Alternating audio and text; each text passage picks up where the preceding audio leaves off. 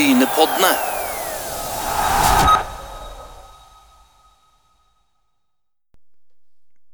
Utrolig kjekt at du har funnet Brynepoddene på din podkastplattform. I dag skal vi snakke om noe som jeg holdt på å si så har litt, litt sammenheng med, med, både sex og sjakk, for der må du vel være to for, for du skal nyte det. Og jeg vet ikke om det var en god inngang til, til denne podden. Ja, Det høres uh, Nygaard ikke er veldig bevandra i uh, sjakkverden. Uh, det er stort sett bondeoffer det går i der, Øystein.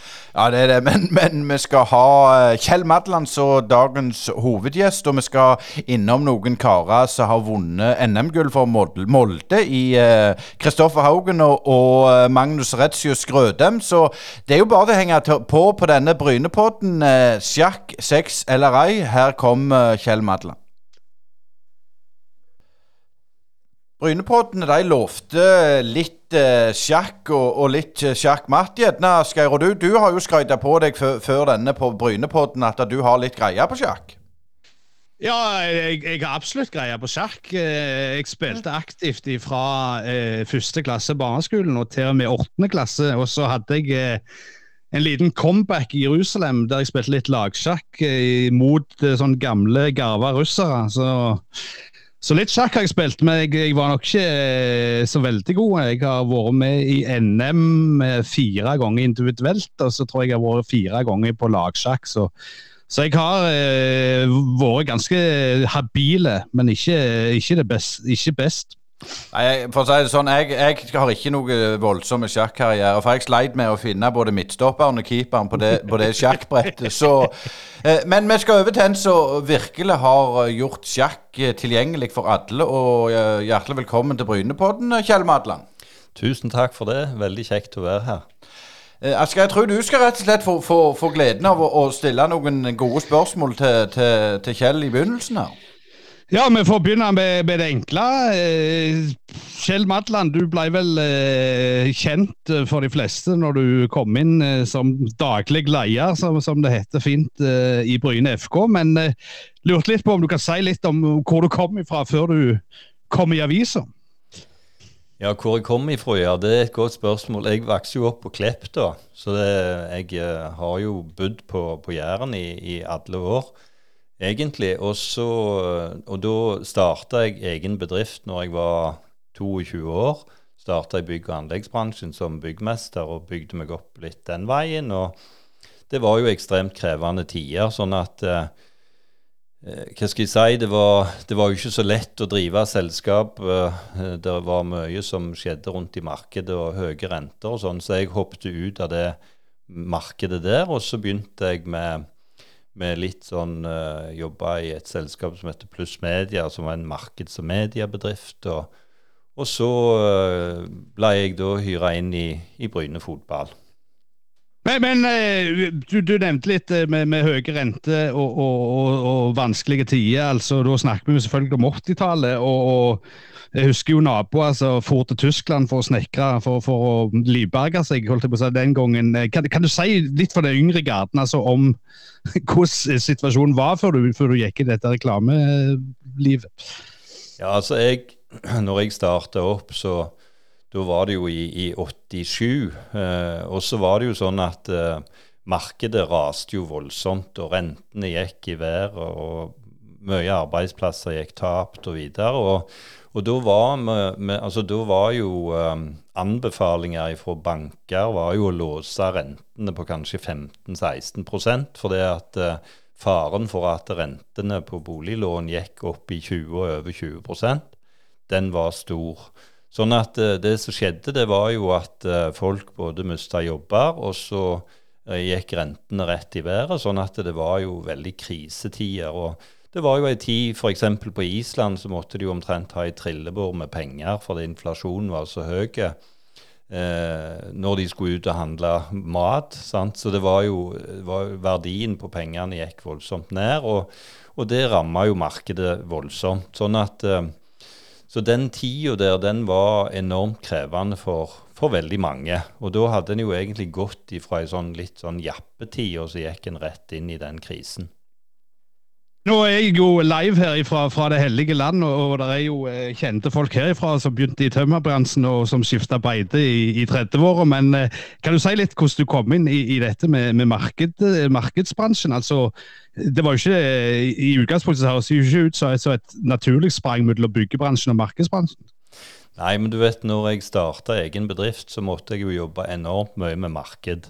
For det var, jo, eh, det var jo det jeg skulle leve av, å få jobber og få markedsført meg og videre. Så, så det var jo en, en, viktig del av den jobben som jeg hadde. Det var å, å, å jobbe ut mot markedet, få salg av boliger og vinne jobber og videre. Sånn at det var jo eh, det, det, det, var jo den veien jeg begynte å interessere meg for det, og fikk jo en, en voldsomt sånn praktisk erfaring med det gjennom de åra jeg drev på sjøl. Og så kommer Bryne og banker på døra etter hvert. Eh, det er vel eh, fem år etter nedrykket, og, og en har på en måte stabilisert seg eh, i det som i dag heter Obos-ligaen. Og etter å ha forsøkt flere ganger og nesten klart å rykke opp igjen. Hva slags klubb var det du kom til i 1993, Madland? Nei, det var jo en, det var jo en ekstremt krevende periode for klubben. Altså, det var jo Eh, det var jo sånn at Jeg begynte jo der i desember 1993, og jeg, eh, jeg husker jo at det var, det var, mørkt og kaldt. og holdt på å si, det var, det, det var veldig trist, for det, det, var jo det året når eh, veldig veldig mange spillere forsvant ut av klubben. Knut Aga, Tommy Bergersen og Ståle Oldeid og alle disse slutta. Alf Inge Haaland reiste jo til England og videre. Så det var jo ekstremt liten tropp. Så det var jo eh, Så vidt jeg husker, så var det en åtte-ni spillere i troppen i desember når jeg begynte. og Eh, og det var jo I tillegg så var jo klubben nedsylta i gjeld med høye renter. Og omsetningen i klubben var vel gjerne fire millioner, og så var gjelda på ni og en halv eller noe sånt. Så det var jo eh, ekstremt tungt. Og jeg tror jeg hadde jobba der i kanskje i to-tre uker før, eh, før Time Energi eh, trua med å stenge strømmen. Så det var liksom eh, Det var jo voldsomt tøffe tider. Så var det jo det å prøve å, å snu dette til en sånn positiv trend og begynne å bygge, bygge litt klubb på nytt. da. Så, um, så, det var beintøft. Og da var det jo òg to førstedivisjoner, for å si det sånn. Så det var jo òg uh, en, en, annen skål, da. Så det var jo etter hvert viktig å, å, på en måte komme seg over i den når den skulle slås sammen til én førstedivisjon. Sånn at en ikke raste nedover i systemet, men klarte å bygge seg opp, da. Men vi har jo, vi har jo hørt eh, holdt på å si, veien så langt. Men, men altså, fotballinteressen og den slags, eh, hadde du det med deg? Eller, eller, eller har du noen spillerkarriere sjøl på sånn lavere nivå? Nei, altså, jeg har jo som de fleste spilt fotball når jeg var unge og ungdom og sånn. Eh, men jeg var jo, jeg var jo da eh, veldig, veldig interessert i fotball og i Bryne fotballklubb. Sånn at jeg hadde vel uh, ifra jeg uh, begynte å se fotball og, og, til jeg begynte i Bryne, så hadde jeg nok ikke gått uh, glipp av mer eller en håndfull kamper på Bryne stadion, tenker jeg. Så jeg var enormt interessert. gjennom veldig mange år så gikk jeg altså på alle kampene. Og så så fikk jeg med meg en gjeng, og så starta vi Bryne supporterklubb. Sånn at, eh, og da når vi starta den, så var jo målet om å samle inn penger til Bryne fotball den var enormt viktig, for klubben hadde det jo tøft. Så det var jo et viktig mål. da. Så vi jobba mye med det. og Så det var jo den veien jeg på en måte kom inn i klubben, da. Men hvis, hvis, jeg husker riktig, så var det i 92 den Bryne supporterklubben starta? Ja, det stemmer det. Men, men hva folk var det? Du ser jo supportere. Vi hadde jo Øyvind Jacobsen for noen Brynepodder der vi snakker om, om dette med, med, maktbalansen. At de har mye makt, supporteren jo, og bla, bla, bla. Men når dere starta, hva folk var det du fikk med deg? Nei, altså Odd Skivevåg Olsen f.eks. og Mandip Singbal og ja, Tom Ellingsen var jo Alf Amundsen. Det var folk som, som var med da fra, fra starten. Og det, vi var jo en gjeng som var voldsomt interessert, og som hadde litt ulike bakgrunner, da, selvfølgelig, og, og sånn. Men, men som hadde ett mål, og det var å, å hjelpe klubben og, og skape også selvfølgelig liv og røre på Bryne stadion. Det var jo òg viktig for oss å liksom få at det ikke bare skulle være Badi og den bjella som sto, som sto på, på ene sida der, at det var litt mer trøkk. Så det var jo et av hovedmålene. Men, men, vi snakker jo om, om, eh, om, det samme året, altså 92. Det er jo samme året som Premier League ruller i gang, og en endrer seg fra disse ja, i fall sånn, eh, Om det ikke skjedde over natta, så endra engelsk fotball seg ganske mye fra sånn vi hadde vært vant med på 80-tallet. Men var det noe sånn som inspirerte deg til å starte den supporterklubben eh, den gangen? Altså, var det noen sånn konkrete ting som gjorde at du tenkte at det, at det var en lur idé? For du nevnte jo holdt på å si de Fem i Badi eh, her, som, som, var jo i hermetegn supporterklubben før dere begynte. Mm. Nei, altså det, det var jo Vi hadde jo et ønske om at det skulle være liv og røre, og at klubben skulle få hjelp til å dra inn penger. Det var liksom hovedmålet når vi starta. Altså vi, eh, vi, hadde vel Og så er det jo noe med det å, å, på en måte Når du har en felles interesse, at du har lyst til å samles og, og kanskje skape et, et, større miljø ut av det, og ikke bare gå på kampen og gå hjem igjen, men at du har noen som du snakker med, og utvider kjennskap og vennskap og litt sånne ting. Så det tror jeg var en kombinasjon, da. Så vi snakka jo om dette, og så kjørte vi på. Eh, men det er klart det når du kommer inn som daglig leder der Hvis vi skal prøve å være litt sånn filosofiske, det at en fan går inn i en daglig lederstilling, vil du anbefalt det i dag? Ja, altså, jeg tenker jo at uh, Altså, hvem er det som i utgangspunktet har kompetansen til å gå inn i en fotballklubb, det er jo et, egentlig et ganske åpent og godt spørsmål. Så, så jeg tenker jo at um, du må jo være Du må jo ha et uh, objektivt syn på en del ting. Og du må jo, du må jo ha med deg litt i Altså, det nytter ikke bare å være interessert i fotball, for det at hverdagen består jo av noe helt annet enn det. Det er jo en bedrift som skal drives på dagen, og så er det en organisasjon som skal drives på kvelden. For det, det skifter på en måte når klokka passerer fire fra en bedrift til en organisasjon. Så, så, det er jo Du skal jo på en måte eh, Du skal jo på en måte evne å sette deg inn i mye og være uh, hyggelig og jovial og jobbe på og stå på. Det krever enormt med arbeid. Og, og det, det, krever selvfølgelig òg mye respekt, og at du på en måte lytter på de som uh, kan ting. Altså, jeg tenker f.eks. det at jeg eh, skulle gå inn og styre det sportslige, det vil jo være uaktuelt. Det, jeg blander meg jo ikke bort i sånne ting. Eh, men der hadde vi jo både en, en, trener og vi hadde et sportslig utvalg som styrte det så måtte jo jeg gjøre jobben som de bestemte, da. Selvfølgelig hvem de ville ha videre, og hvem de ville ha inn, og hvem de ville ha ut, og sånn. Det måtte jo jeg ta tak i. Men, men det er jo eh, Jeg tenker at jeg tror det er viktig å ha en interesse for det du skal jobbe med. Det er viktig uansett jobb. Eh, så det tror jeg er bra i utgangspunktet. Men, men eh, Kjell, det, det, skjedde jo ganske mye i norsk fotball på, på 93-94. altså Norge kom til VM for første gang siden 1938. Eh, fotballinteressen, iallfall for landslaget og, og etter hvert eh, det som ble tippeligaen, økte jo. men men så rent organisatorisk på den tida, når du begynte, altså, var det mye sånn rapporteringsmønster sånn, eller var det stort sett at klubbene gjorde som de mest ville? Nei, altså, du kan si Eh, det gikk jo egentlig inn i en ny tid omtrent på den tida som du refererer til. Altså i 34-95 så skjedde det enormt mye. Eh, og eh, du kan si som i mye annet i, i Norge og, og, rundt forbi sikkert i mange land, så, så endra jo, jo, det seg til, til mer sånn rapportering og alt dette. Eh, jeg tror ikke Fotballforbundet var så veldig interessert i å blande seg inn i det i, holdt på å si, før den tid. Og, og det var nok mye mer sånn eh, Holdt på å si Jeg tror ikke f.eks.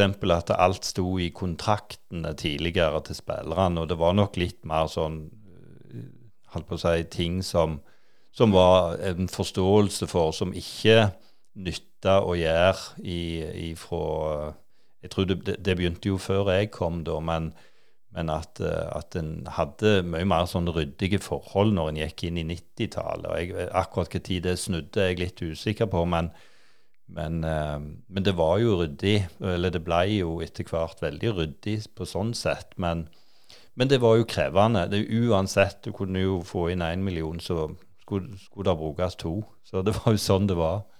Men vi vet òg det at, at Bossmann-dommen kom jo i 1995. Eh, der, der, spillerne var mer fritt vilt og, og, kunne på en måte gå ut kontrakten og gå til vederlagsfritt til, til ny klubb. Men når du kom inn i, i gangene der, så, så, så, har vi jo liksom forstått at det var sånn eh, sånn vi gjorde med det på 80-tallet når de var, vant cupen. Sånn opplevde du det når du kom inn? For du var jo tross alt ikke så gammel når du kom inn.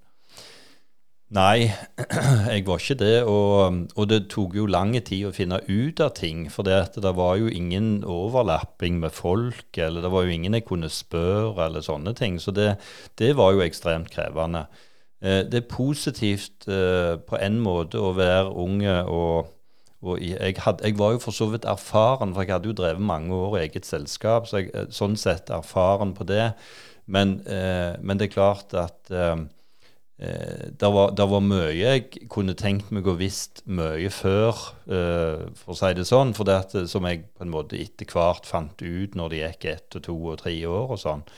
Men, eh, men, det som er bra med vår unge, det er jo pågangsmotet. For det var jo sånn 3000 timer i året-arbeid. Mm. Så det var jo til å jobbe seg aldeles utføre. Men, men, eh, eh, men, det var jo ei krevende tid, som du sier. Bossmanndommen kom, og, og det Eh, før Bosman-dommen så var det jo sånn at eh, hvis det gikk en spiller ifra eh, eller regionalt som gikk fra Ålgård til Bryne, eller noe sånt, så var det jo kretsen som bestemte overgangsbeløp. Og hvis han gikk ifra, fra ene landsdelen til den andre, så var det Norges Fotballforbund som bestemte det.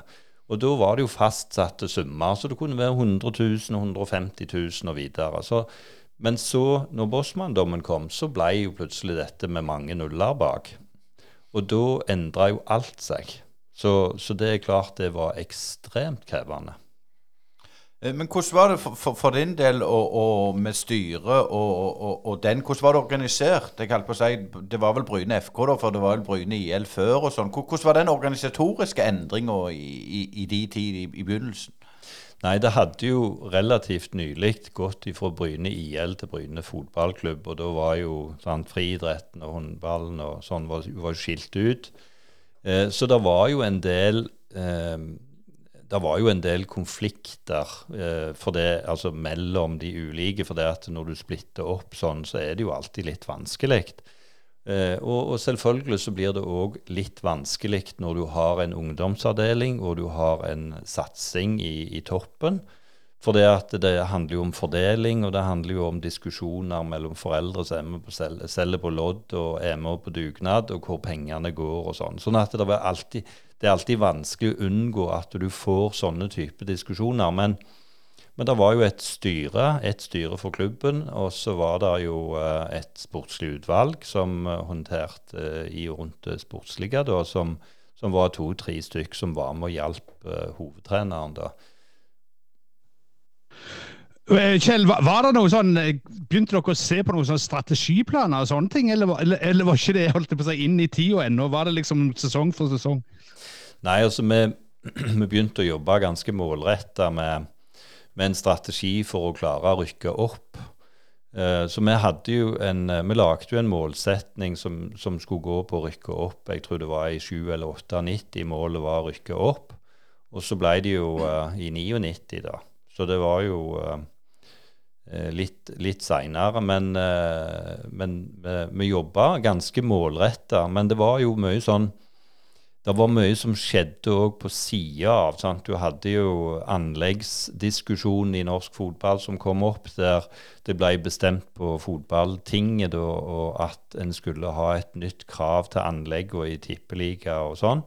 Og dermed så, og Det gjaldt jo òg i førstedivisjon, så vi måtte jo oppgradere anlegget en del for å holde kravene eh, i Norge. Og så, så kom jo eh, ja, Bossmann-dommen har det vært snakket om, og så kom det jo inn aksjeselskap i fotballen fordi at en måtte finansiere dette på en annen måte. Og dermed så fikk du òg inn en ny gruppering folk i, i styre og stell, og fikk òg en stor diskusjon mellom, mellom de som var klubbfolk og var med i klubbstyrene, og de som var med i aksjeselskapsstyrene. For det, at det var jo egentlig klubbstyrene som skulle bestemme og kontraktere spillere og alt dette.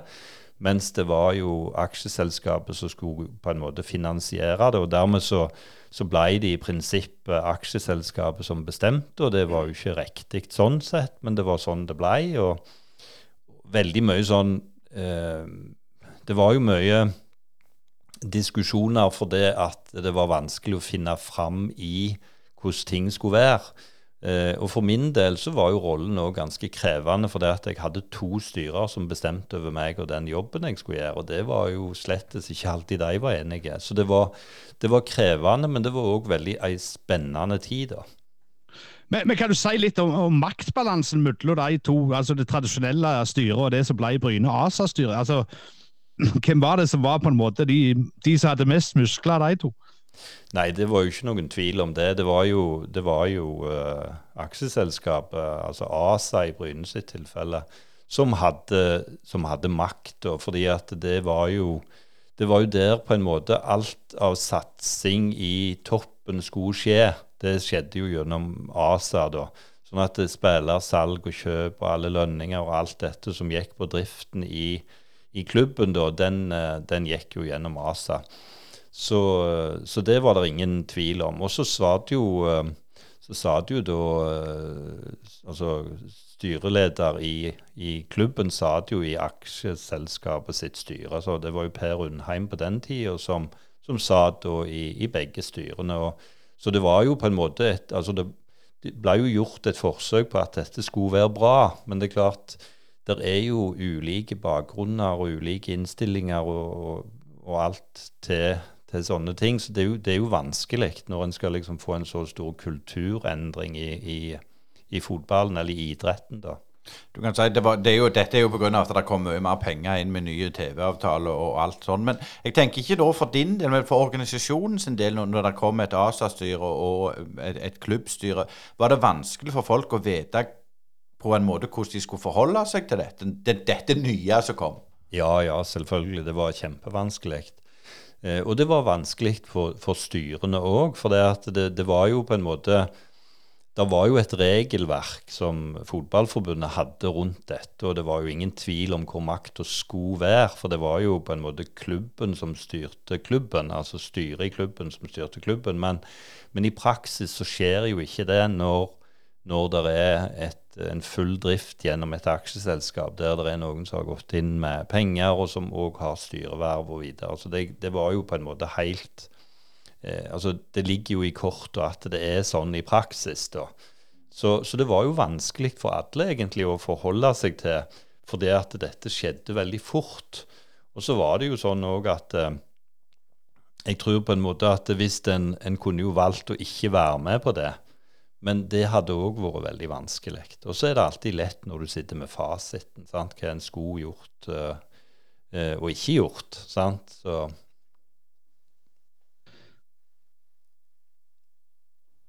Ja, er du sovna, er du? Eh, nei, jeg, jeg bare, bare, ble helt stilt her. Men, men jeg tenkte, Kjell eh, kan, kan du, du, nevnte her i innledninga altså, de, de hårde tider i, i, 1987 med 15% rente osv. Hvordan hadde liksom samfunnet rundt Bryne og, og, og rundt der utvikla seg på si, ti år fram i tid, når du går og spoler fram til 1997? altså Sånn økonomisk og, og vekst i rundt. altså jeg husker jo, Du ser jo gamle bilder fra kamper av Bryne på 80-tallet. Det er det Erland og Brøyt og Hjalmar Thu og, og Bellesen liksom, som er sponsorer. Mm. Eh, hvordan endra det seg utover 90-tallet, når, når det begynte å bli mer penger blant folk? Nei, altså det som var, altså Når jeg, når jeg kom inn i 93, så, så lå jo altså klubben lå jo nære med brekte rygg og alt dette. Det var jo skikkelig tøft. Og da hadde jo klubben vært gjennom ei, ei storhetstid med, med um, å være i toppen av norsk fotball og var en av de klubbene i Norge som hadde jeg tror Bryne var jo kjent for å være den klubben i, i Norge som hadde høyest lønninger, f.eks. Eh, og Eh, om det stemmer, vet ikke jeg, men de var iallfall kjent for det blant andre klubber. Og så var det jo sånn at eh, en hadde jo bygd ut Bryne var først å få VIP-tribune, og det var mange ting Bryne var langt framme med. Men det som hadde skjedd i den perioden, var jo at en hadde gått vekk på mange måter ifra å få med de helt lokale sponsorene. For de hadde jo ikke råd å være med lenger når, når Bryne ble store. Så gikk Bryne langt uh, ut av regionen og, og, og fikk sponsorer. Så når, når, da jeg begynte, så var jo det Da var jo ikke de der lenger, de store ute. Så jeg uh, hadde mange jeg hadde mange besøk rundt forbi lokalmiljøet til sponsorer, eller mulige uh, sponsorer, som jeg håpte å få med. Der jeg, jeg fikk relativt tydelig reisepass fordi at de, de uh, mente at OK, nå er vi gode nok. Nå har vi, nå har vi vært ute i noen år der vi ikke har vært gode nok. Og så tror jo ikke jeg det var helt sånn det var, men samtidig så blir det fort litt sånn når en vokser mye, så kan det skje. At en på en måte trenger større sponsorer, og så går en lenger ut, og så glemmer en uh, Iallfall så prioriterer en ikke like mye de som er nærmest. Så det var jo krevende å ta tak i. Men, eh, men eh, sånn er det, og, og det, Jeg lærte jo enormt mye av den perioden eh, av akkurat det. Og jeg lærte veldig mye av at vi måtte bygge opp et helt nytt sponsorkonsept og bygge alt dette opp på ny. Så det var veldig spennende. Men, men, Bryne er jo fremdeles, altså når snakker andre halvdel av 90-tallet ut, ut, i starten på 2000-tallet, Bryne er jo relativt lite ennå. Den der massive utbyggingen har jo ikke skjedd. Eh, det er ikke så mange folk i timesokkene som det er i dag. Men var det sånn at det var ekstremt gjennomsiktig? At du følte at alle visste hva du holdt på med, om det var sant eller ikke sant? ja, jo da, det jeg tror det skal bli ganske mye større enn det er i dag òg, for at det ikke skal være sånn. Iallfall i en sånn type jobb. For det at, eh, altså når du er i en sånn type jobb, så, så, blir det på en måte noe som altså På godt og vondt så blir det noe som mange er interessert i. Eh, det er jo enormt viktig med den interessen. For det er jo den på en måte interessen og entusiasmen som skapes av interesse som, som klubben lever av. Men det er klart det kunne jo være krevende mange ganger når du, når du uh, En kan jo bli uh, altså Folk visste jo hvor du var henne, hvor du hadde hatt møte henne og videre. Så det var jo litt sånn, selvfølgelig. Men, men um, så, så, det er jo Så var det jo litt det der med å, å vite hvem som kjente hvem, og hvem som styrte hva. Det var jo ganske vanskelig å finne ut av. Eh, det er klart eh, Bryne er i Tippeligaen og, og, klarer seg på mirakuløst vis det første året. Det ble jo skrevet ei bok eh, om mirakelet på Bryne, der du blir omtalt. Men jeg tenker litt, hvis vi hopper litt over akkurat det kapittelet årene etterpå. Det kom mange svensker. og det er jo mange som tror Eller det må du fortelle. Er det det som gjør at, at en, en, fikk den økonomiske smellen, at disse var så vanvittig dyre? Nei, altså Grunnen til at, uh, at vi henta mange svensker, det var at vi hadde jo, vi hadde jo et par trenere fra Sverige som, som, kjente godt svensk fotball, og, uh, og, som kjente kvaliteten på en del spillere. Og det som, var, det som, var, sannheten, var jo rett og slett at vi hadde jo ikke råd til å kjøpe norske spillere, for de var jo altfor dyre. Uh, vi prøvde jo vi prøvde jo å kjøpe flere spillere som, var, eh, som ikke var på, i førsteelveren i andre klubber eh, midt på treet i, i Tippeligaen. Som, som, eh, altså, det var jo snakk om overgangssummer på 8, 10 og 12 millioner kroner òg på det tidspunktet, og lønninger som, som var knallhøye. Og vi lekte jo inn spillere som, som uh, holdt på å si, vi hadde, ikke, vi hadde ikke råd til å kjøpe de ut, fordi at de var i en kontrakt der de hadde ble lønna av den klubben som vi lekte de av, og der de hadde kanskje to-tre ganger den lønna som vi da betalte for å leie de. Men så, sånn at det var jo bildet her i Norge, og så fikk vi jo da en kvalitet på spillere fra Sverige, da, stort sett. Ikke alle slo like mye til, men men uh, en, en, kvalitet som, som, var mye høyere for en langt lavere pris. Sånn at uh, eh, det var absolutt ikke dette med svenskene som gjorde at økonomien ble krevende.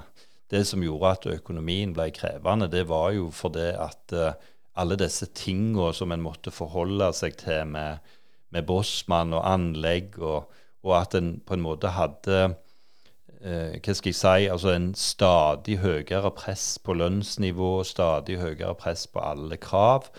Eh, og så var det vanskelig å skaffe nok inntekter. Og så er det jo sånn at eh, det er jo et sånn press utenfra hele tida på å levere. Og så blir det òg sånn at eh, veldig ofte så er det sånn at hvis du, hvis du kjemper i bånn, så er det liksom klubben må kjøpe spillere. Sant? Og avisene kan skrive det at uh, nå må klubben få inn en ny midtstopper, en ny midtbanespiller. Og så skriver de og skriver de om det. Og så kjøper klubben en, en midtbanespiller og en midtstopper, og så går sesongen over, og så klarte du å redde deg, og så skriver de hvor hasardiøst det var å få inn disse her, for det var det ikke økonomi til. Men presset på dette blir enormt stort på de som er i styre og administrasjon og, og alt. Eh, men, men, det som var, var jo at vi hadde jo to klubb, altså vi hadde klubbstyre og aksjeselskapsstyre som, som alle var med og bestemte på dette, og som la budsjetter, og som hadde rapportering eh, hver måned og alt dette. Og, som, og det var alltid en sånn når det skulle bestemmes om det skulle kjøpes en spiller, eller skrives en kontrakt, eller selges en spiller, så var det styrelederne i begge styrene som var med og bestemte det. Sånn at det var veldig Det fungerte på sett og vis ganske godt, men det var liksom aldri nok penger. Eh, nå, nå Kjell, er det gått snart 25 år siden du nevnte her noen spillere som dere eh, ikke kunne signere eller var nære på, eller som kosta for mye. Kan du dele noe så lenge etterpå? Er det noen sånn virkelige storfisker som Klapp, som, som senere ble, ble, ganske kjente? ja, altså Det var det, da. Det var jo ikke ikke, ikke, ikke kanskje så storfisker, men, eh, men det, var jo, det var jo spillere som, eh, som har gjort det godt i Norge, i alle fall. Som, eh, som vi var tett på. og hvor tett på vi var med det. Jeg vet ikke om jeg skal begynne å nevne navn på det, men, men det var jo men, men, hovedproblemet det var jo dette med at det var så vanskelig å signere dem fordi at eh, lønnskravene ble så store. Eh, så, så vi, jeg, jeg, tenker liksom at eh, ut av de budsjettene som en hadde, så syns jo jeg egentlig at en gjorde det ganske bra sportslig.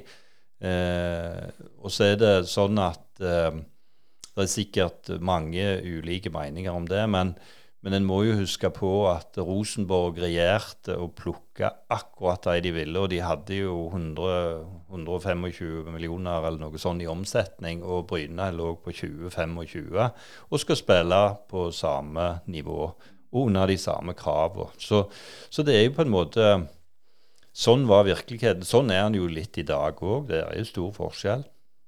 Men, men eh, Kjell, eh, hvis du tenker liksom, hvis du tenker liksom fanen Kjell Madland fra 80-tallet, som sto eh, på hver kamp og på sjiktet på, på, disse gamle heltene som, som, var blant de beste i landet, en del av de var på landslaget osv.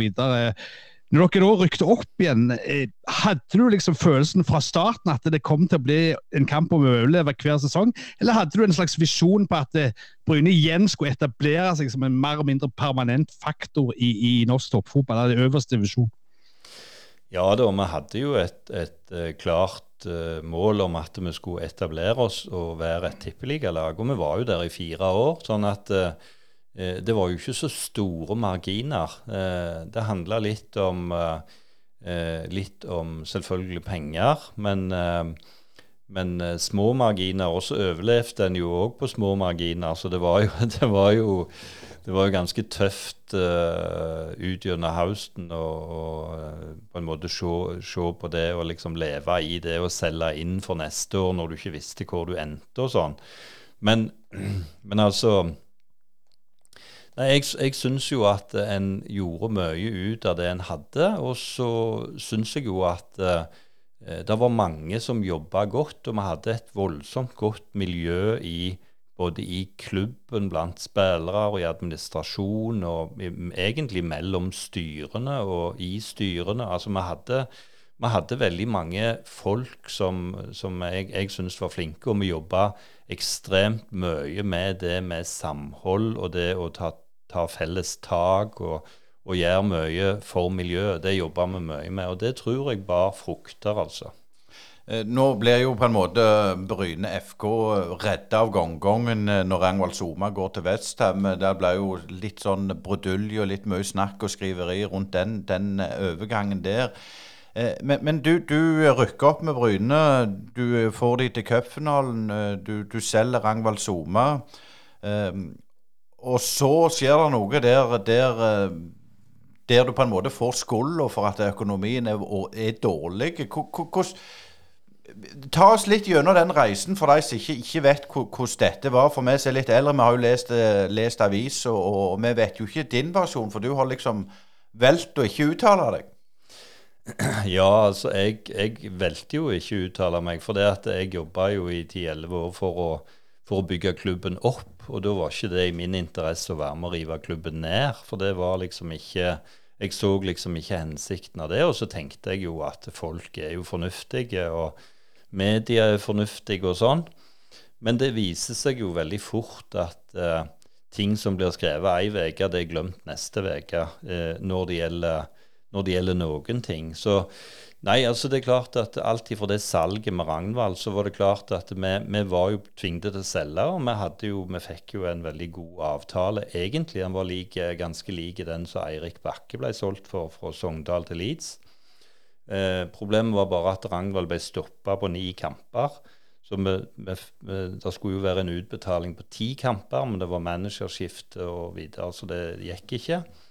Eh, så der, dermed så stoppet det. Men avtalen var jo gjort på et tidspunkt der faren var overhengende for at vi ikke fikk noen ting for Ragnvald. Eh, og så var det jo sånn at eh i, i, de eh, medieoverskriftene som har vært da i etterkant, så var det jo som om det var jeg som solgte han alene. Eh, jeg var jo der i lag med styre, styreleder i ett styre, og den andre styrelederen var på telefonen i forhandlingene. og eh, Det var ingenting som ble gjort uten det. Så det var jo en, det var godkjent av begge styrene, og begge styrelederne var involvert. og, og sånn. Og, så, og når det gjelder økonomien, så var det jo Altså, vi var jo Vi rapporterte jo som alle andre klubber inn med revisor til forbundet to ganger i året. Vi hadde regnskapsavslutning hver måned, både i aksjeselskap og i klubben. Eh, og, og, klubben på en måte hadde det en hadde, og alt var jo på en måte eh, sånn sett eh, åpent, og det var synlig, og det var ikke mine beslutninger. Det var ofte styret sine beslutninger som ble valgt foran mine. Men du må jo forholde deg til det. Så så jeg ble jo veldig overraska. Jeg var ikke så overraska med en gang at noen fekter og slår litt og, og mener at uh, de skal skulde på en som slutter fordi at det er mer behagelig når ting er vanskelig. Men, men det som jeg syns var utrolig, det var jo at media som kanskje bare et par måneder før hadde skrevet artikler om økonomien der det var folk fra styret som uttalte seg om økonomien, og alt var på en måte på bordet. At de da skulle bare glemme det, og så liksom bare gå på det. da, At det var, det var en mann som ikke hadde som ikke hadde fortalt hvordan ting var. og Det var jo helt vanvittig, for alt var jo Som sagt, alt lå jo på bordet, og det gjorde gjennom mange år. Så, men, men, sånn er det. Altså Det er litt sånn når du har en sånn type jobb, men det er klart at her er det jo mange som burde klart å på en måte se det sjøl, at dette er jo helt urimelig. Det går ikke an. Og hvis jeg ikke hadde, jeg ikke hadde rapportert til klubben eh, på lang tid, sånn som noen da òg uttalte til avisa, så er det ufattelig at styret ikke hadde sparka meg. For det burde de jo da absolutt ha gjort. Så det henger liksom ikke på greip. Men eh, eh, Så det var jo enormt tøft for min del i, i veldig, veldig mange år. Eh, for det at eh, det er jo ikke noe kjekt å få skylda for sånne ting. Eh, men, eh, men, jeg tenker jo at eh, jeg valgte, som du sa, å la være å si noe, og det har jeg gjort. Og jeg har ikke tenkt å henge ut noen, jeg har ikke tenkt å, å si så voldsomt mye nå heller. Jeg syns bare at det, det er viktig hvis en skal komme videre, enten det er klubb eller bedrift, at en sørger for at en ser seg sjøl i speilet og ser hva er det jeg har gjort, og ikke bare skyter utover. For da klarer en aldri å endre det som er problemet, for å få det til å gå bedre. Men bare skyte inn der før Asgeir uh, slipper til. Det er klart du går inn som en Du starter Bryne supporterklubb i lag med, med, en del andre, selvfølgelig. Du går inn som daglig leder. Du, du jobber døgnet rundt. Du får, du får alle kompisene der, for du er i den alder der du, du, du får nye kontakter. Og så er det bare fot i ræva, og, og, og, det er din skyld. Alt, alt det dårlige som har skjedd i Bryne, og alt det gode, det er alle andres skyld. Og, og, du på en måte velger å holde kjeft. Altså, det må jo være Jeg tror ikke folk klarer å forestille seg den mentale Du må ha, du må ha hatt det rimelig tøft i, rett etterpå. Ja, altså det var, jo, det var jo beintøft, ikke bare rett etterpå. Det var jo sånn i mange år. For det, Eh, det er klart at når, eh, når, det, når, det, er sånn at det driver og gulper opp igjen stadig ting i media, eh, gjerne ett år og fem år og sju år og ti år etterpå, som du vet er feil og er direkte usant, så, så er selvfølgelig det voldsomt krevende. Og, og, det er klart det gjorde noe med meg og, og har, har, gjort noe med meg. men men uh, som, som gjør at jeg Hva skal jeg si? Jeg syns jo ikke det er veldig stas. Og det er jo mange jeg, jeg syns kanskje burde ha gjort noe med det og tatt bladet fra munnen sin for lenge siden rundt en sånn sak. For det, det, det, det er jo helt meningsløst. Men, men, så er det jo òg sånn at Hva skal jeg si? En, en lærer jo noe av alt, da. Sånn at eh, jeg tenker jo at når tida går, så, så gror såra, og så lærer en jo noe av det, da. Eh, og, og, det tror jeg er viktig å ta med seg. Så det er liksom ikke bare sånn at eh, noe som er helt forferdelig eh, personlig, bare skal være negativt. Du kan òg dra noe positivt. Og det har jeg prøvd å gjøre. Men eh, Kjell, det skjedde jo ganske store endringer. altså du, du, hadde dette med fjernsyn. Før så var det liksom eh, maks ett minutt på, på Sportskjørnet eller Sportsrevyen seint på kvelden om kampene som ble spilt. altså Folk så ikke så mye TV-kamper og sånne ting. Men skjedde det noe i fanbasen på de ti årene du så til Bryne òg? At de ble mer kravstore? At de ble litt hausa opp, eller var det stort sett media du hadde liksom noe å, å, å, å si? Altså, dette er jo før sosiale medier, men det var jo debattforum på nett allerede på den tida. Altså, Merka du noen endringer der i måten fansen forholdt seg til klubben, kontra det du hadde vært vant med si, når du var fans? Ja, altså det, det er jo sånn det blir at når eh, Altså, tidligere så var det jo sånn at eh, Eh, et leserinnlegg i Aftenbladet eller Jærbladet eller hvor det var, det, jo, det ble jo sendt inn, og så ble det jo ettergått, og så ble det jo redigert eller sendt tilbake, eller Det ble veldig kontrollert. Eh, når, eh, når, disse nye tidene kom, så fikk jo mange flere et sånn talerør. Eh, og det er klart at eh, det er jo òg på godt og vondt. Altså, mange kommer mye tydeligere fram og, og sånn. Eh, mange ønsker jo mye mer innflytelse, og det ser en jo sånn som i dag òg. Det er mange av disse supporterklubbene som har enorm innflytelse rundt forbi klubbene. Eh, så, så, det er klart at det var en stor endring, og, og det som du sier med tida i, i TV-ruta, den endra seg jo voldsomt, og en begynte jo å å sende kamper eh, live. og Det òg hadde jo både med krav og alle mulige ting å gjøre, hvordan det skulle være for at dette skulle, skulle skje. Og jeg husker jo veldig godt at de gikk fra en sånn én til to kameras produksjon til åtte-ti kameras produksjon. Eh, og det var, det var, en ganske stor ting når det kom, for det, det medførte jo ganske mye. Nå skal vi over litt til, til, til, det du holder på med i Norway Chess. Men litt sånn avslutningsvis med Brynetida. Det Vi har jo hatt flere daglige ledere og flere tidligere spillere i, i Brynepoddene opp gjennom to år som har holdt på. Eh, der flere sier at de har ingenting med klubben, de går ikke på kamper, de har ikke kontakt med miljøet. Hvordan er det for din del nå? Nei, nå er jeg jo her hos deg. ja, det er du. Nei, jeg, eh, altså, jeg, eh, jeg, går jo ikke på kamper, jeg heller. Det, eh, det ble jo ødelagt, selvfølgelig. Og, og det, er, det, er, jo forferdelig trist på en måte, men det er klart at når, når du holdt på å si, når du, når du føler deg helt totalt uønska, og det er på en måte ikke det er ikke Altså, det er ikke på en måte noen som backer den sida som var den gode sida, da. Så, så, blir det jo tungt, for det at du på en måte kjenner du bruker mye mer energi med å gå der enn ikke.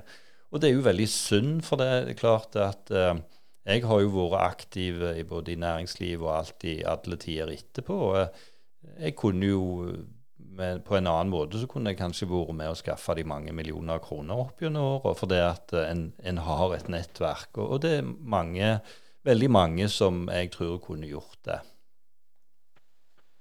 Eh, et, et sp siste spørsmål om Bryntid. Altså, jeg går ut ifra at opprykket var vel det, det sværeste som skjedde i, i de tid eh, som, eh, som daglig leder. Men kan du si litt om hva som Den der cupfinalen den har jeg fullstendig fortrengt, selv om jeg var på Ullevål. Jeg husker det der 1-0-målet, og så på en måte så blokka jeg alt ut. Eh, mm. Hvordan er den opplevelsen der for deg?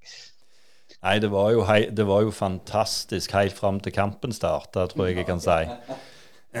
For, eh, for all den uh, entusiasmen og, og det trøkket som var eh, helt fram til, til, en var på Ullevål og alt det, det var jo helt fantastisk. Og så fikk en jo en, en forferdelig start, og det var jo Jeg tror knapt jeg har sett Bryne dårligere i noen kamp så lenge jeg kan huske, enn akkurat den kampen, og, og det var jo veldig trist. Um, men um, Nei, så, så, kampen var ikke noen store høydere, men, men, opplevelsen og entusiasmen i og rundt i forkant og alt det var fantastisk. Og, og så må en tenke på at en tok sølv i NM. Sånn når tida går, så var det det. Det var fasiten.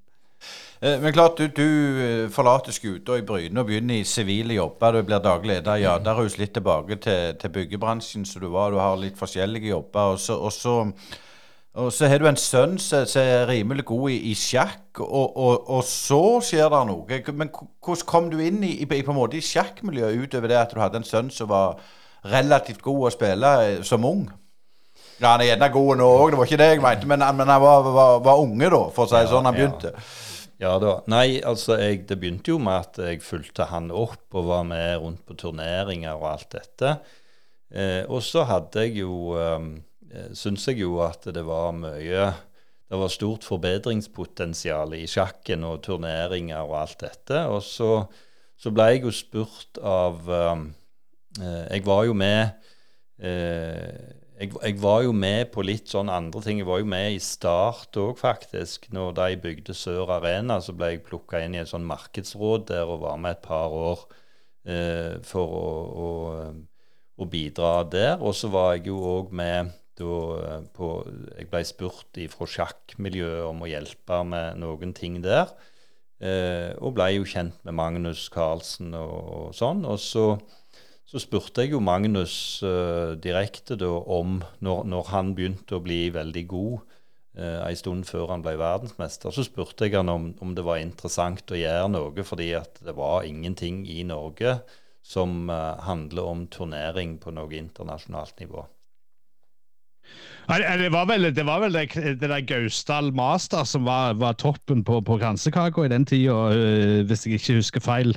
Men, ja. men jeg, jeg, skal bare skyte litt om sjakkmiljøet. for det, det som sagt så har jeg jo vært med i det sjøl, og det var jo ganske traust. Men jeg må bare fortelle en kort episode fra, fra, fra en sånn lagsjakkturnering der Høyland ungdomsskole skulle spille. Og, og, de hadde en god kar på førstebordet av fire da, som tok alle poeng. Og så var det sånn halvgreie etter det, så måtte de vinne siste kampen. Det, det var de nødt til å vinne. Og, og da var det en, en, litt sånn svær grops fra Gandal som var liksom skikkelig sånn eh, Holdt på å si hardrock-type. og han lå litt dårlig an, og så plutselig tok han fram springkniven da, på bordet og spilte mot en ganske tam Karmøy-kar, og han fikk jo helt panikk, så han tapte jo den kampen. Så litt gang har det vært i sjakkmiljøet òg, men, men, kan du si litt om når du kom inn i sjakkmiljøet? altså Du sa det var ting som kunne forbedres. altså Det var jo eh, det hadde jo gått litt nedover med Sjakk-Norge òg. Altså, det var jo mange skolesjakkmiljøer som ble, ble avslutta, faktisk. Ja, altså Det som er interessant med sjakken, det er jo at uh, det skal jo ikke være store nes eller bygda i, landet her før det er en sjakklubb som har vært etablert i 90 eller 100 år. Så det har jo vært veldig stor altså det har jo vært stor spredning på disse klubbene, og, og, de har vært etablert rundt forbi. Men det har vært veldig små klubber og en, en litt liten gjeng kanskje som samles for å ha det kjekt og, og sånn. Eh, og så var det jo Det var jo på ingen måte noen som helst kommersialisering forbi sjakken. Og det gjaldt jo ikke bare egentlig i Norge, det gjaldt jo òg internasjonalt. Eh, Magnus Carlsen hadde jo noen sponsorer som var personlig, men, men sjakkturneringer f.eks., det var jo Eh, altså det var sånn, Hvis det var en uh, veldig rik person uh, som var død, så var det en sånn memorial-turnering, og så brukte de pengene fra arven hans til å, til å holde de ved like, sånn som det var i Moskva f.eks. Og det er etablerte turneringer som har pågått som, som ikke er sponsa på den måten, men med rike folk. så da var jo mitt mål, da, det var jo å ta tak i det som er Altså Sjakk er jo faktisk verdens største sport, hvis du definerer det sånn. Det er 650 millioner uh, voksne mennesker som spiller sjakk jevnlig. Um, så var det jo ikke kommersialisert. Så det var da det som jeg tok som min oppgave. Men Hvilke reaksjoner fikk du fra, fra Sjakkforbundet sånn, når du kom med disse ideene? Det er jo, det er jo ikke akkurat sånn avantgarde som så, så, så dreier med vanvittig med nytenking.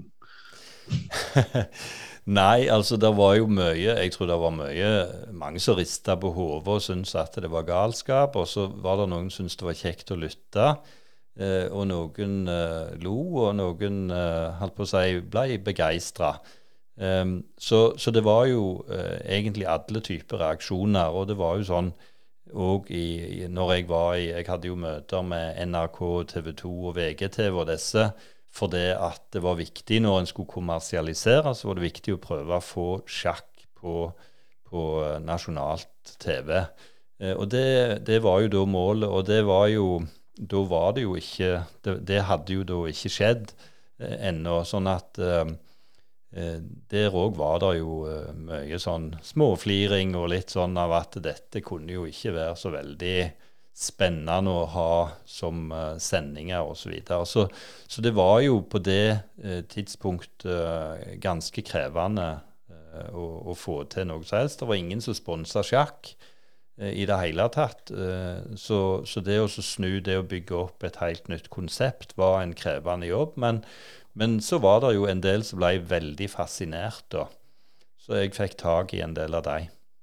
Men, men hold på å si, hvilke midler brukte du når du skulle prøve å selge dette inn? Altså, TV-overført sjakk for, for, oss som har spilt det sjøl, det, det, høres ut som å se litt som maling, maling tørke, hvis du tenker sånn rent objektivt. Ja, ja det, det, det, var jo eh, Det var jo selvfølgelig veldig vanskelig. Men, men det var jo litt av det som, eh, det som jeg gjorde da, det var jo at jeg, jeg prøvde å lage et helt konsept da, der jeg der jeg lagde på en måte et, eh, et system eller en, en, eh, en litt, litt, sånn på en måte en hel tankegang der da at vi skulle bruke disse stjernene av sjakkspillere som da skulle komme. Eh, og da var målet å være blant topp tre turnering sterkeste i verden fra og med første året. Eh, og så eh, bare hente stjerner, og så skulle en bruke disse stjernene da, til å flytte rundt på litt ulike plasser og spille eh, partiene for å få oppmerksomhet litt forskjellige plasser. Og da rykke ut fra vanlige hoteller til å gå på Vi var jo på Årbakke, f.eks. Vi var på Flor og Fjære. Vi var på Konserthuset, og vi var på Utstein kloster osv. Og, så og da skapte vi ny historie, og så skapte vi litt sånn interesse rundt hva er det egentlig som skjer her? Hva er det nå som foregår? Eh, og da blir det òg mer interessant for, et, eh, for en TV-produksjon med en gang. For da er det mer historier å fortelle. Så det var jo en av de tingene som var vesentlig. Og så var det styrke å tåre å si at vi skal skape det beste produktet i verden. Og, og det var jo Da begynte jo folk å lytte. Eh, men, men hva folk var det du fikk med deg? Altså, du, du har jo vært i fotballen og, og sånn. Er, er, det de samme mekanismene? Er, er, det duere, eller er det bare folk som skal være med og, og, og få den fine kløen, hadde jeg mest sagt? Eller, eller er, er, det noe forskjell på, på, på, på lagidrett og, individuell idrett der, tror du? Altså, jeg tror jo at Altså, det er jo veldig mange folk som brenner for noe, og så er det veldig mange som har det veldig travelt.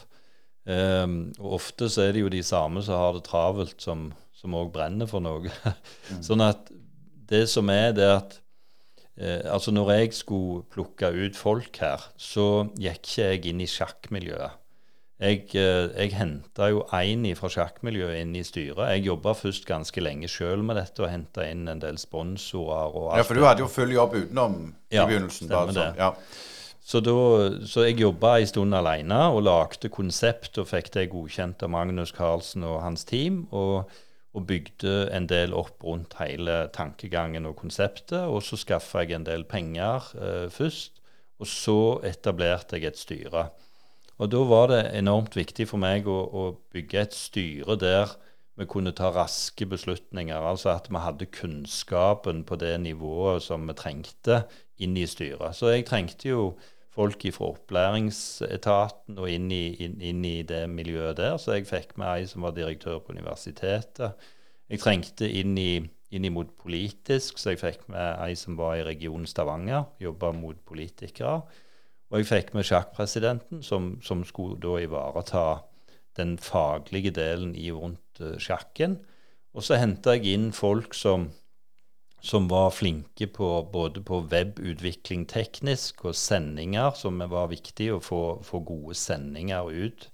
Eh, og òg på, eh, på, det som gikk på å på en måte forme websider og markedsføring og alt dette her. Eh, og når vi da eh, hadde møter, så, så, tok vi beslutninger veldig raskt, fordi vi visste at den, eh, der er alltid noen i styret her som har kompetanse på det vi snakker om. og så og så var det go. Så vi hadde sånn veldig rette linjer da på, på oppgavene. Og, og, det tror jeg er ekstremt viktig når en skal hente inn folk til å være med i, i organisasjoner og alt dette. Det er å sikte høyt. Altså ikke, ikke bare tenke at en bare plukker folk, men at en sikter høyt. For det at med en gang du sikter litt høyt, så er det stas for, for andre òg å være med. Så, Men hvis jeg avbryter litt det, Dette er jo på en måte kommersielt. sant? Det er du som står bak det. Hvordan var det dette? Kall det sjakkforbundet og sånn. Så de litt sånn stygt på deg, da, at nå, nå, skal han tjene penger på noe vi har gjort gratis alltid? Nei, for jeg gjorde det ikke bare gratis. Jeg tapte jo. Jeg, jeg, brukte jo. jeg, brukte jo både penger og tid på det sjøl, så det var jo ikke sånn at det var, at det var noe beineveien å tjene penger på dette her. Men Eh, men det å bygge opp noe, det tar jo alltid litt tid. Eh, så, så, sånn sett så gikk det jo bra. Eh, I, egentlig Fra første året så gikk det jo egentlig bra, og så hadde vi noen tøffe år og sånn. Men, men, men det skyldes jo arbeidsinnsatsen. For det var jo ikke sånn at, at en tok betalt for det en gjorde. Så det var jo å bygge opp, og da går du den, eh, den harde veien og, og, og, tæring etter næring og alt dette. Så, eh, men, men, det er klart, når en skal bygge opp noe som ikke bare er nasjonalt, men òg internasjonalt, så, så krever det enormt mye. Ja, det, du sa jo noen tøffe ord. Det er det vi på sjakkspråket sier at du måtte ha noen lange rokader. Men, men, altså, kan du si litt om Selvfølgelig Magnus Carlsen i Norge får plutselig verdens beste sjakkspiller, som, som, som ingen tenkte var mulig uh, få år før. Men, men, kan du si litt hvordan du, hvordan du fra, gikk fram for, å få med seg deg fra, fra andre land? For det, det, var jo ikke bare bare å få drassa en gjeng med, med, med toppreita sjakkspillere til Sandnes? Nei.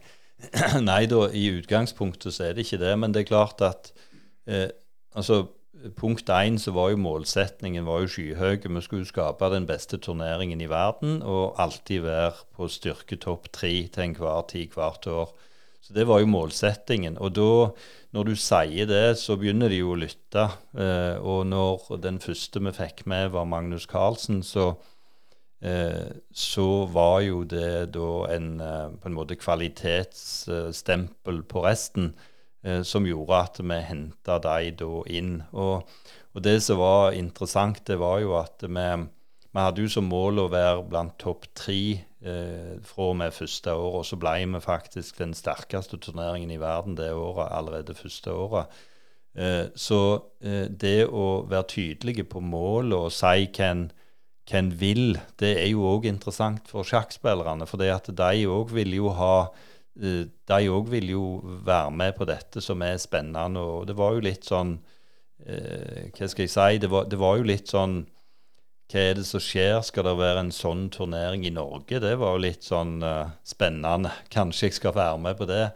De var jo vant med at det var rundt i, i store byer, London, Amsterdam og i, i Moskva og, og, sånne plasser, da, New York. Og, så, så det var Eh, det var kjempeinteressant, men, men, i og med at vi fikk den tydelige målsetningen, så lytta de, og så sa de ja. Men, men eh, altså, du, du, skal få si litt om Magnus Carlsen etterpå, men, men av de der som har stilt opp i løpet av alle disse årene, er, er, det noen som du har, er, er, det noen av de som, som du er spesielt glad i, av, av, av de gamle stormestrene som, som kanskje ikke spiller lenger? Nei, altså Jeg syns jo at det er veldig mange flotte spillere. Og, og, det er jo fantastisk å få lov å bli kjent med, med disse på en, på en, annen måte. Ikke bare gjennom at du ser de spiller sjakk, men, men både gjennom uh, samtaler og kjøreturer og, og, forskjellige ting som vi har gjort. og uh, aktivisert med og, og, alt dette, så får en litt flere sider av det. Og jeg syns jo altså Vishy Anand, som uh, som var verdensmester i, i veldig mange år fram til Magnus tok ifra han tittelen, det er jo en av de som jeg uh, knytta veldig sterk uh, Jeg vil si sterke bånd til. Jeg trives veldig godt med han, og han, eh, han kommer forresten igjen i år, så det er jo veldig, veldig kjekt. Så han er jo en, og så er det jo veldig mange andre òg, selvfølgelig. Og, og, det er veldig spennende å omgås Magnus og teamet hans òg. Eh, et av de der tingene som, som jeg syns har vært litt eh, interessant og, og, artig, det er jo de der holdt på å si, utenomsportslige greiene som dere har funnet på. Alt fra holdt på å si, traktorhjul til, til, til, til egghenting omtrent. Men, men, altså, hvordan kom du på det, og hvordan har de reagert på det? disse som, som er jo, altså Sjakkspillere er jo stort sett vant til å sitte i en eller annen gymstall og spille, og så går de ut og tar seg en røyk, og så er de inn igjen og spiller videre. Ja, nei, det var jo det var jo spennende. Nå er det ikke så mange av disse som røyker, og de er faktisk i ganske god form, disse som er helt i toppen. Men eh, det som Det var da du, Asker, spilte, da var det sånn? Ja, ja, det er jo klassiker. Altså, Michael Thal som var på jeg tror jeg bare på 60 sigaretter i døgnet eller noe sånt noe, på, på 70-tallet. ja, nei, altså det, det, som var Det var jo litt av det konseptet som var litt viktig å bygge, da. Det var jo å se sjakkspillerne fra en litt annen side, sånn at en fikk på en måte bygge opp litt flere storyer og få mer medieoppmerksomhet og sånn. Så jeg etablerte noe som heter Norway Chess Games. Eh, og da skulle jo da, eller tanken med dette, det er jo at eh, spillerne skulle konkurrere i noe helt, helt annet. Og de, de har jo ikke fått vite noen år hva de skulle konkurrere i, før de, før de kom til der de skal konkurrere. Så det har jo vært alt fra fekting til boblefotball til at de skulle være bonde for en dag og håndmelke kyr, til, til, at de skulle være kokker og lage mat i sammen med denne her Bocuse og, og sånn. Så vi har gjort veldig mye sånn for å skape eh, både samhold mellom spillerne, for da konkurrerer de mot en annen, men også kanskje på lag.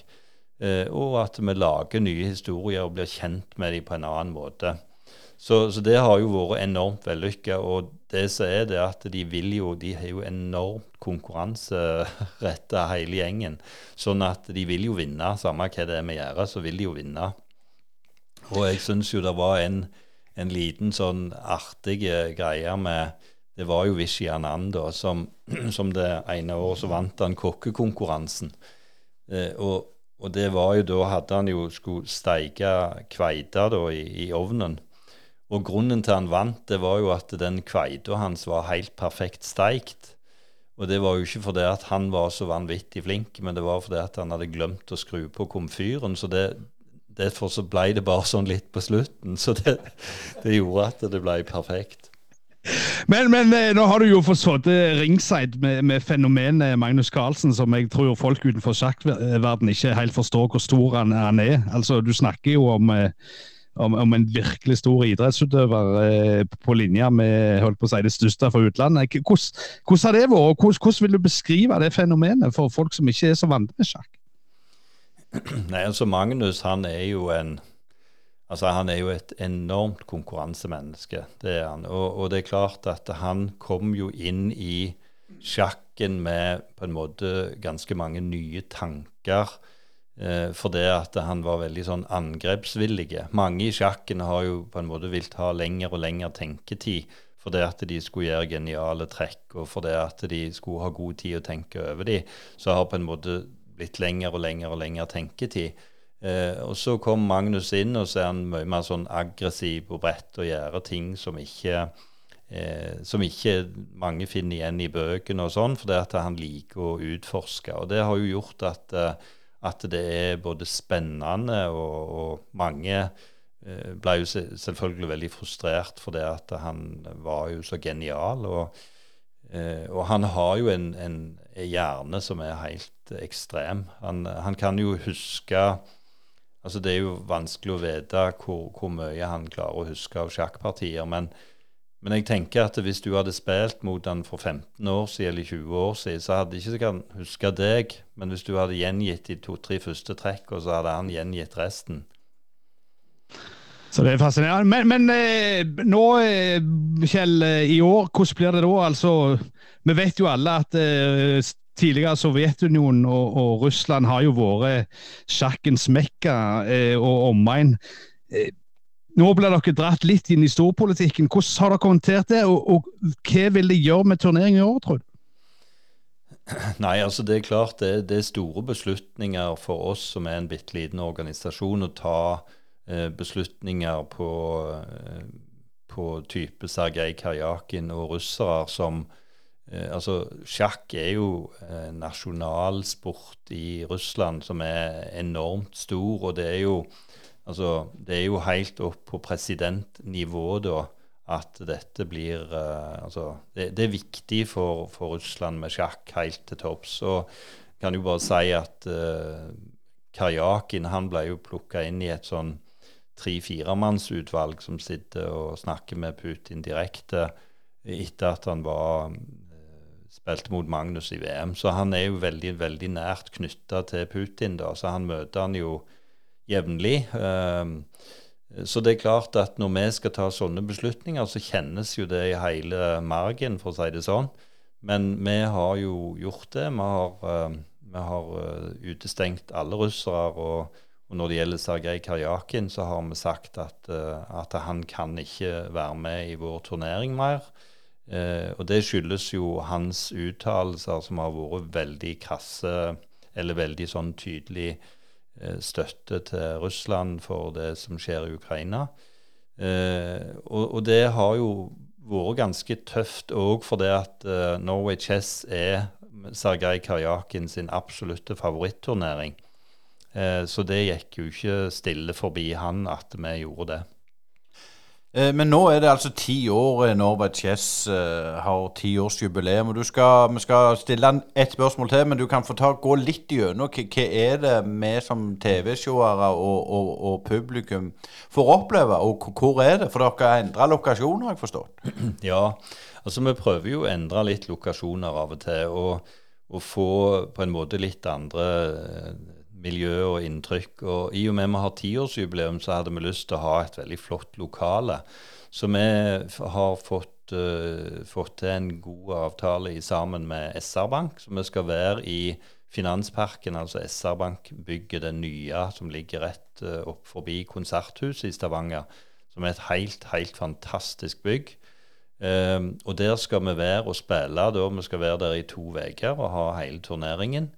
Uh, og det som skjer, det er at vi begynner 30. mai med en lynsjakkturnering, som da videre hvordan dette ender, bestemmer hvordan de skal møtes i rundene etterpå, som starter 31. Uh, mai. Eh, og så er det runde hver dag som starter klokka fem, sendt på TV 2. I tillegg til at eh, altså TV 2 har jo studio på spillestedet. Det samme har vi jo med et internasjonalt studio som eh, er på engelsk på spillestedet. Og så sender vi ut bilder til en sju-åtte andre studio rundt i verden som sender fra turneringen. Eh, og så har vi jo Eh, så da er det jo mulig for folk å komme og se. Det er bare å komme og kjøpe billett i døra og gå inn. Og da får du oppleve både Magnus Carlsen og de andre i spillesalen. Du kan se sendinger når du ser studio på nært hold og oppleve alt. Eh, så det skal vi gjøre. Eh, og så er det en åpen turnering som folk kan spille i. Det er alltid fra Eh, folk som er her lokalt, til topp internasjonale spillere. Foreløpig så har jeg sett at det er rundt ti nasjoner representert der. Og så skal vi den 4. juni åpne verdens største sjakkbrett. Det skal vi gjøre i Stavanger. Så det er et gedigent sjakkbrett som folk skal kunne spille på. Det er 144 kvadratmeter. Kongen er 1,85 høy og veier 250 kilo. Og så er det bitte små Det høres ut som det er vasker. ja. Nei, så det som er, det er bitte små hjul, så det går det an å spille på. Eh, så det skal vi åpne 4.6 sammen med alle disse spillerne. Og så kan folk gå og spille på det etterpå, for det skal jo da avdukes den dagen. Så skal vi ha Norway Summit, som er en internasjonal eh, konferanse for næringslivet, som òg har starta i, i denne forbindelse som er en kjempespennende konferanse der vi har, uh, har med masse toppfolk. Så der har jeg nettopp fått inn avtroppende uh, sentralbanksjef Øystein Olsen. Han har jeg fått med meg inn i styret der i Norway Summit, så han er blitt styreleder der. Så det blir uh, Det er mye kjekt som skal skje, så det er bare å komme til Finansparken. Eh, helt til slutt, Kjell Madland. Eh, sånn som det gjelder eh, Karlsen. Hvor, hvor, lenge tror du han, han, han, holder på med dette sjakk? Det har vært litt sånn fram og tilbake. Og hvor viktig har han vært for interessen for sjakk i, i internasjonalt? Nei, altså eh, Magnus har jo kommet inn som et friskt pust i, i sjakk i internasjonalt. Uh, så det er jo ikke tvil om at han altså Han går jo over i historien som uh, det er jo liksom Gary Kasparov og, og Bobby Fischer nevnes jo òg da fordi han var genial. Eh, men eh, Og så er det jo Magnus Carlsen, som er absolutt eh, store, store. Og han har jo vært verdensmester nå gjennom mange år. Og så er det jo litt spennende å se da om han denne gangen mener alvor om han ikke vil spille VM. Eh, men han kommer nok til å spille sjakk ganske lenge, tror jeg, for det er det han kan, og det er det han vil. Eh, men det er ikke sikkert at han kommer til å spille flere vanlige VM. Men hurtig- og lynsjakk-VM og sånn kommer han nok til å spille. Jeg, jeg håper det Asker, at vi får uh, Magnus i, i tale i Brynepodden. for, for, han er jo interessert i, i andre idrett enn bare sjakk òg. Men det var utrolig stas at du tok deg tid til å komme til Brynepodden, Kjell Madland, og masse lykke til med det tiende Norway Chess. Tusen takk for det, og takk for at jeg fikk komme. Brynepoddene de fortsetter, og vi må jo eh, selvfølgelig innom cupfinalen, den eh, som var i helga, Asgeir. Og det var jo 2021-cupen. Og der har vi jo noen lokale helter som rett og slett eh, er norgesmestere. Ja, det er ikke verst. Det ble jo litt spesielt å ha cupfinale i, i, slutten av april. Eh, det har jeg ikke opplevd før. Jeg tenker jo nå nærmer oss jul, men det gjør vi ikke. Så velkommen til Brynepoddene. Kristoffer Haugen, som er òg barn av februar, og Redsius Skrødem. Begge to som sitter i bilen. Og gratulerer så mye med, med NM-gull. Jo, tusen takk. Ja, takk for det. Ja, Vi må litt sånn begynne med deg, Kristoffer. Vi har ikke hatt deg i Brynepoddene tidligere. Du er jo fra Verdalen. Og, og eh, jeg regner med du òg er Liverpool-supporter? Ja, jeg er jo oppvokst i en Liverpool-familie, så hadde ikke mye valg der. Nei, jeg regner med det. Men, men fortell litt om, om cupfinalen, helt kort. Hvordan det eventyret er når dere går på podiet der og tar imot eh, kongepokalen. Noe som alle unger, inkludert meg, er drømt om. Fortell litt om, om hvordan dagen var, Kristoffer. Nei, det var jo, som du sier, det har jo vært en, eh, en drøm helt siden jeg var liten. og Jeg var jo på finalen når Viking spilte mot Haugesund i 2019, så det har, har vært et stort mål å, å komme der. og Når vi først klarte, når vi var der og, og klarte å vinne nå i tillegg, så det var, det var en fan, fantastisk dag.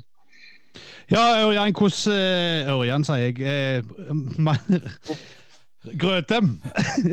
hvordan, hvordan opplevde du dette? Du sitt, eh, du kom jo inn litt seinere og fikk sitte litt på sidelinja. Eh, eh, Hvordan er stemningen i garderoben før en sånn kamp kontra seriekampene som du har vært med på før? Nei, det er jo annerledes, ja. Eh, også, sant, du sitter i garderoben på Ullevål stadion, og er liksom, alt er litt større. da. Eh, folk er litt mer anspent, kanskje litt mer gira. Eh, så du merker jo at det er noe spesielt, ja. Og, og hvis det er folk som føler ikke har hele kontrollen, så har vi vel ikke det heller, for, for, for de sitter i bilen og er opptatt. Men, Kristoffer, hva, hva videre for, for din del? Nå er du cupmester, og, og, og går dere all in for å ta et seriegull, eller er det sånn dere ser at, at Glimt er så gode at der har dere ikke sjanse uansett? Nei, vi viste vel nå at det, det er mulig å slå dem. Og vi, når vi spiller i Molde, så går vi for gull hvert år. Så vi, vi kan ikke si noe annet i år, men vi er nødt til å klare å stabilisere prestasjonene våre sånn som vi spilte nå i helga. Da kan vi bli vanskelig å ha med å gjøre utover sesongen. Ja, dere har jo virkelig fått sving på, på sakene, og, og til, til, til deg, Retsius. eh, Hvordan hvordan var det? Du kom jo inn, og, og hvor, langt er du fra, fra en hva føler du sjøl? Eh, nei, vi vet jo at det, i løpet av en sesong så blir det masse kamper. og I år så er jeg veldig trygg på at jeg kommer til å få, få spilt masse, så akkurat det bekymrer jeg meg ikke så mye over. Eh, jeg visste at i fjor var en sånn eh, tilvenningssesong, og at det i år det gjelder for min del. Så, så akkurat der, eh, der er jeg veldig trygg på at jeg kommer til å få spilt mye og bidratt mye. Men så vet jeg jo at jeg konkurrerer mot en av de beste i landet i min posisjon. så Eh, Men så lenge jeg får bidrog eh, eh, med en del kamper jeg får start, så er jeg veldig fornøyd. Jeg. Og så handler det bare om å, gripe muligheten, da. Så det blir bra, det. Men Kristoffer, hvordan, hvordan føler du dette med å spille holdt på å si, en cupfinale i, i, i slutten av april eh, kontra det som vi alle vant med før? Er, Mister det litt av magien, føler du, eller, eller var det ikke noe problem å, å si at dette er cupfinalen og nå gjelder det?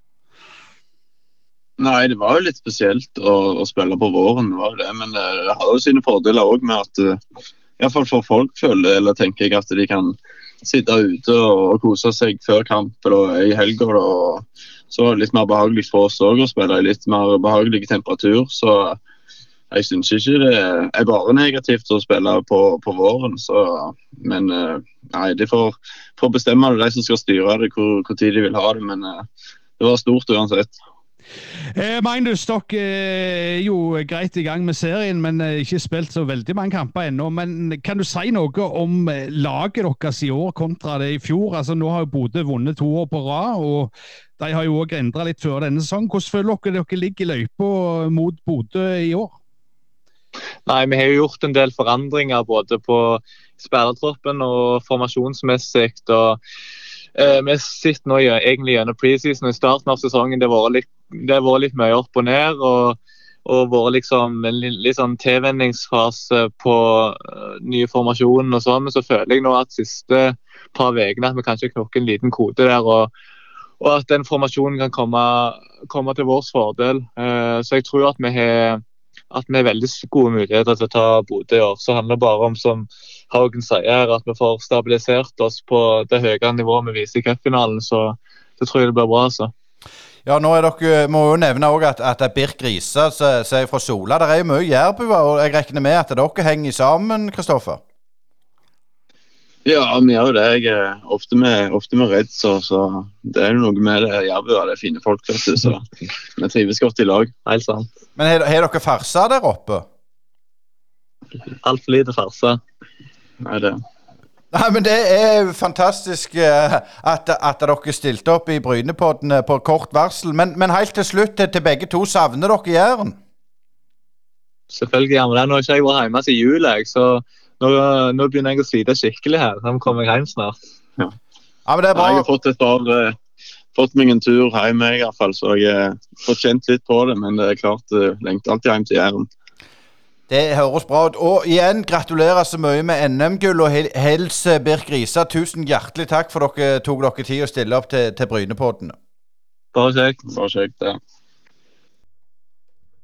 Vi har hatt uh, ganske så godt innhold i denne Bryne-podkasten i Brynepodden. Og Asgeir, veldig interessant å få, få Kjell Madland i tale, for han har virkelig ikke gitt mange intervjuer om, om tida i Bryne. Nei, eh, og du hører jo han er litt eh, vare med å si for mye ennå, så det er jo eh, fanen som ble daglig leder med alt det har innebærer. Eh, men samtidig så er det jo to versjoner av Kjell Madland vi snakket om. Eh, Sjakkmannen og styre, daglig lederen i Bryne, og, og, han har virkelig fått det til i holdt på å si, når han tok, tak i en, en ny ting. Absolutt, og det er jo, bare, det er jo et eventyr, det Norway Chess. Det er jo helt hinsides hvis du liksom ser internasjonale medier som refererer til Stavanger og til han i ett sett. Og vi må jo prøve å holde et halvt øye med det som skjer der i, i Stavanger nå i mai. Og, og nei, det, det, er imponerende. Selvfølgelig så fikk han litt sikkert ei skrape i lakken i, i brynetida og fikk en del skull. Og jeg syns jo han svarer godt for seg. Ja, det gjør han absolutt, men eh, det er jo den gamle tragedien med at folk som eh, ikke kommer på stadion lenger og ikke har gjort det i mange år. Vi har jo opplevd det før i, i podkasten. Så det har, vi, der har Bryne og, og, kanskje andre klubber òg en jobb å gjøre med å se litt lenger enn en bare øyeblikket og tenke litt på de som en gang la ned vanvittig mye timer for klubben. Han snakket om 3000 timer i året.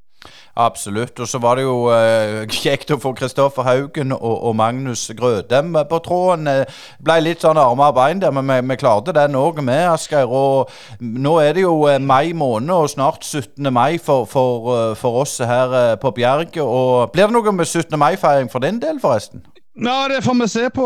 Normalt så er det noe på ambassaden, men de har jo ikke vært oppe og gått på to år pga. covid, så vi får se om det blir litt feiring i år. Om det blir ei halve pølse eller noe. Ei halve pølse eller ei. Brynepoddene de takkes så hjerteligst for fulle. Og vi setter utrolig pris på at du finner Brynepoddene på din podkastspiller. Neste torsdag så er meg og Asgeir Uland på gang igjen. Mitt navn er Øystein Nygaard. På gjenhør. Brynepoddene.